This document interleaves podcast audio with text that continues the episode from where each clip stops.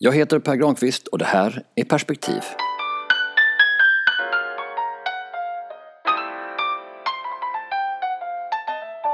Vad är egentligen perspektiv för podd? Perspektiv är ett försök att dela med mig de texter som jag skriver i olika sammanhang, men på ett nytt sätt. Syftet är att ge dig ett annat perspektiv på saker runt omkring oss, enskilda aktuella händelser eller större tendenser i samhället. Varje avsnitt är mellan 5 och 10 minuter, ibland kortare, så att du hinner lyssna på en eller flera avsnitt när du vill fylla ut ett mellanrum i livet. På bussen eller mellan hemmet och jobbet. På promenaden mellan kontoret och ett möte på stan. Eller bara när du har lite tråkigt. Podden ger dig det som den heter, perspektiv. Vill du läsa texterna du lyssnat på hittar du dem på samma ställe som det mesta jag skriver på nämligen pergranqvist.se och det är Per med och Granqvist med KV och i ett enda ord utan mellanslag. Pergranqvist.se, där hittar du allt.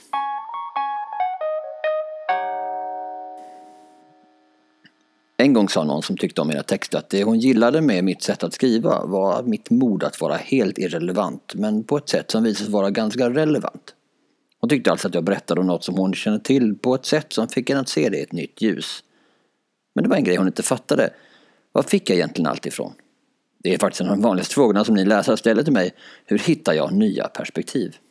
Svaret är förstås att jag tränat mig själv att se saker ur ett annat synvinkel genom att inspireras av andra. Texter jag läst, radioreportage jag lyssnat på och råd jag fått. Tre av de här har varit mer betydelsefulla än andra. Den första inspirationskällan är månadstidningen Fast Company. I början av sekelskiftet missade jag inte ett enda nummer av den tidningen. Fast Company skrev av vad som då kallades för den nya ekonomin. En period när internet slog igenom på allvar och förändrade hur vi kommunicerar och konsumerar. Att använda liknelser är ett gammalt grepp inom journalistiken. Om man vill skriva om hur ett politiskt engagemang tar fart utanför samhällets strukturer kan man beskriva den här rörelsen som att en idé sprider sig som en löpeld eller helt enkelt kalla den för en gräsrotsrörelse.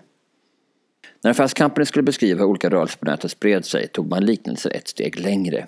Istället för att intervjua någon internetexpert som bara skulle säga banala saker som att det är lätt att dela saker i en digital ekonomi eller något sånt, så letade tidningen upp en expert på grässkötsel.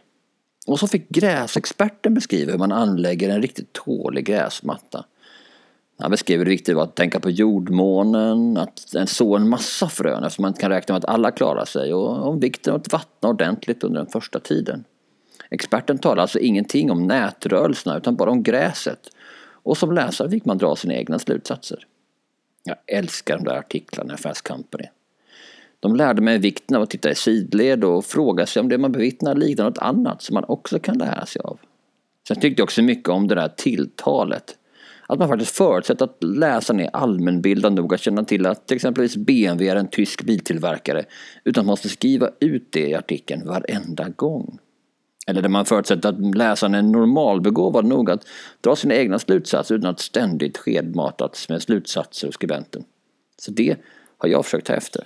Den andra av mina inspirationskällor för man berättar historier på ett annorlunda sätt har varit radioprogrammet From Our Own Correspondent på BBC4.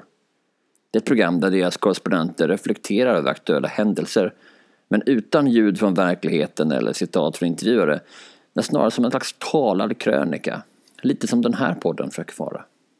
De här krönikorna är ofta uppbyggda enligt en struktur där man börjar i en detalj, zoomar ut för att ge helheten och så avslutar med att zooma in på den där detaljen igen. Jag minns faktiskt berättelsen som gjorde att jag förstod hur, det, hur de gjorde rent berättartekniskt liksom, och hur bra det funkade. Ungefär så här lät det. Krönikan inleds med att korrespondenten konstaterar att det på Stora torget i Baku står fem får i betong. Han beskriver sen statygruppen kort, sen torget de står på och så känslan i hela stan Baku, Azerbajdzjans huvudstad, som legat vid kanten av Kaspiska havet i flera århundraden. Inför valet om några veckor är stämningen lite spänd, konstaterar han. Och så beskriver han de fem största partierna och hur de försöker positionera sig i kampanjen. Berättelsen avslutas med att han konstaterar att man egentligen inte vet hur stor skillnad det kommer att göra om ena eller andra sidan vinner i valet. Hur mycket förändring partierna egentligen vill se är svårt att avgöra. Kanske är alla ganska nöjda med hur det är och få är redo att försöka lösa de låsningar som förlamat den azerbajdzjanska inrikespolitiken i flera decennier nu. När allt kommer omkring kanske partierna mest av allt Liknar de där fem fåren i betong på Stora torget i Baku. Att börja en liten till synes obetydlig detalj och sen zooma ut och avsluta berättelsen med att gå tillbaka till den där detaljen och förklara varför den ändå var symbolen för situationen som helhet. Det är ett grepp jag har använt mig av många gånger. Det där eleganta sättet att göra bågar tillbaka till något man berättat tidigare hjälper ju läsaren att förstå sammanhanget. Även om jag ska erkänna att jag inte alltid lyckas med det. Men när det lyckas, och man kan göra hänvisningar till saker man nämnt, till saker som hänt samtidigt i historien eller något som först verkat irrelevant men som sen visar sig vara helt irrelevant, så får texterna ett extra lager tycker jag. Den tredje inspirationskällan är något som Heidi Avelan, politisk chefredaktör på Sydsvenskan och Helsingborgs Dagblad, sa till mig när jag skulle börja som fristående kolumnist på deras ledarsidor. Det är viktigt att du slår vakt om det geografiska och mentala avståndet till Stockholm, förmanade hon mig. Alltså, att vi inte kan skriva om något som redan stått i huvudstadstidningarna på samma sätt som de gjorde. Eftersom vi då förlorar vårt eget existensberättigande alltså. Ska man skriva om ett aktuellt ämne måste man tillföra något, vilket ofta är att försöka se det ur ett annat perspektiv. När Svenska Dagbladet skrev om hur idiotiskt det var att Sverker Martin-Löf lät SCA ordna stora jakter för att imponera på SCAs kunder så valde jag ett annat perspektiv. Genom att utgå från att Sverker Martin-Löf tänkt rätt istället för fel så kunde jag visa att orsaken till att SCA fortsatt att ordna jakter var att de fungerade. Kunderna uppskattade jakterna och det gynnade SCAs affärer. Sen kan man naturligtvis undra om det inte fanns andra moderna sätt att göra kunderna nöjda och glada. Men det är som man brukar säga en annan historia. Ett annat sätt att slå vakt om avståndet till huvudstaden är att inte glömma att världen ser annorlunda ut från en skånsk utgångspunkt än vad den gör från huvudstaden. När huvudstadstidningar skriver om flyktingkrisen har de påtalat hur många hundra flyktingar som varje dag anländer till Stockholm. Vad de inte skriver är ju att så gott som alla flyktingar i Stockholm reser dit från Malmö. Och det kanske vittnar om att Stockholmstidningar kanske inte alltid är fullständigt medvetna om att inte hela landet har samma utgångspunkt som dem. Tänker jag. Sen var det det här med humor.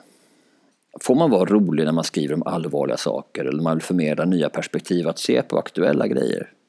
Jo, det tycker jag nog. Humor handlar ju om perspektivförskjutning. Att se saker från ett oväntat perspektiv. Har man lyckats få läsaren att dra på munnen har man kanske lyckats med att få dem att se något från ett, på ett annat sätt. Men det finns ett viktigare skäl till att jag ofta använder humor och särskilt när jag står på scen. För att det bor en liten berättarglad folkbildare i mig har jag svårt att dölja. Men som folkbildare löper man ju alltid risken att bli betraktad som en besserwisser när man upplyser folk om det ena eller det andra. Och det vill man ju inte. Eftersom ingen vill lära något från en besserwisser. Att få folk att skratta lite grann, det är ett bra sätt att undvika det. Förklarade Lotta Lundgren en gång i en podd som jag lyssnar på. Om man bara får folk att skratta så kan man nämligen passa på att peta in lite fakta när de ändå har upp munnen öppen, sa hon. Sant och klokt. Det försöker jag göra. Det är lättare när man står på scenen i en skriven text, men jag försöker ändå. Och du kommer säkert märka lite av det i den här podden framöver. Prenumerera på podden på de ställen där du följer poddar. Vi hörs!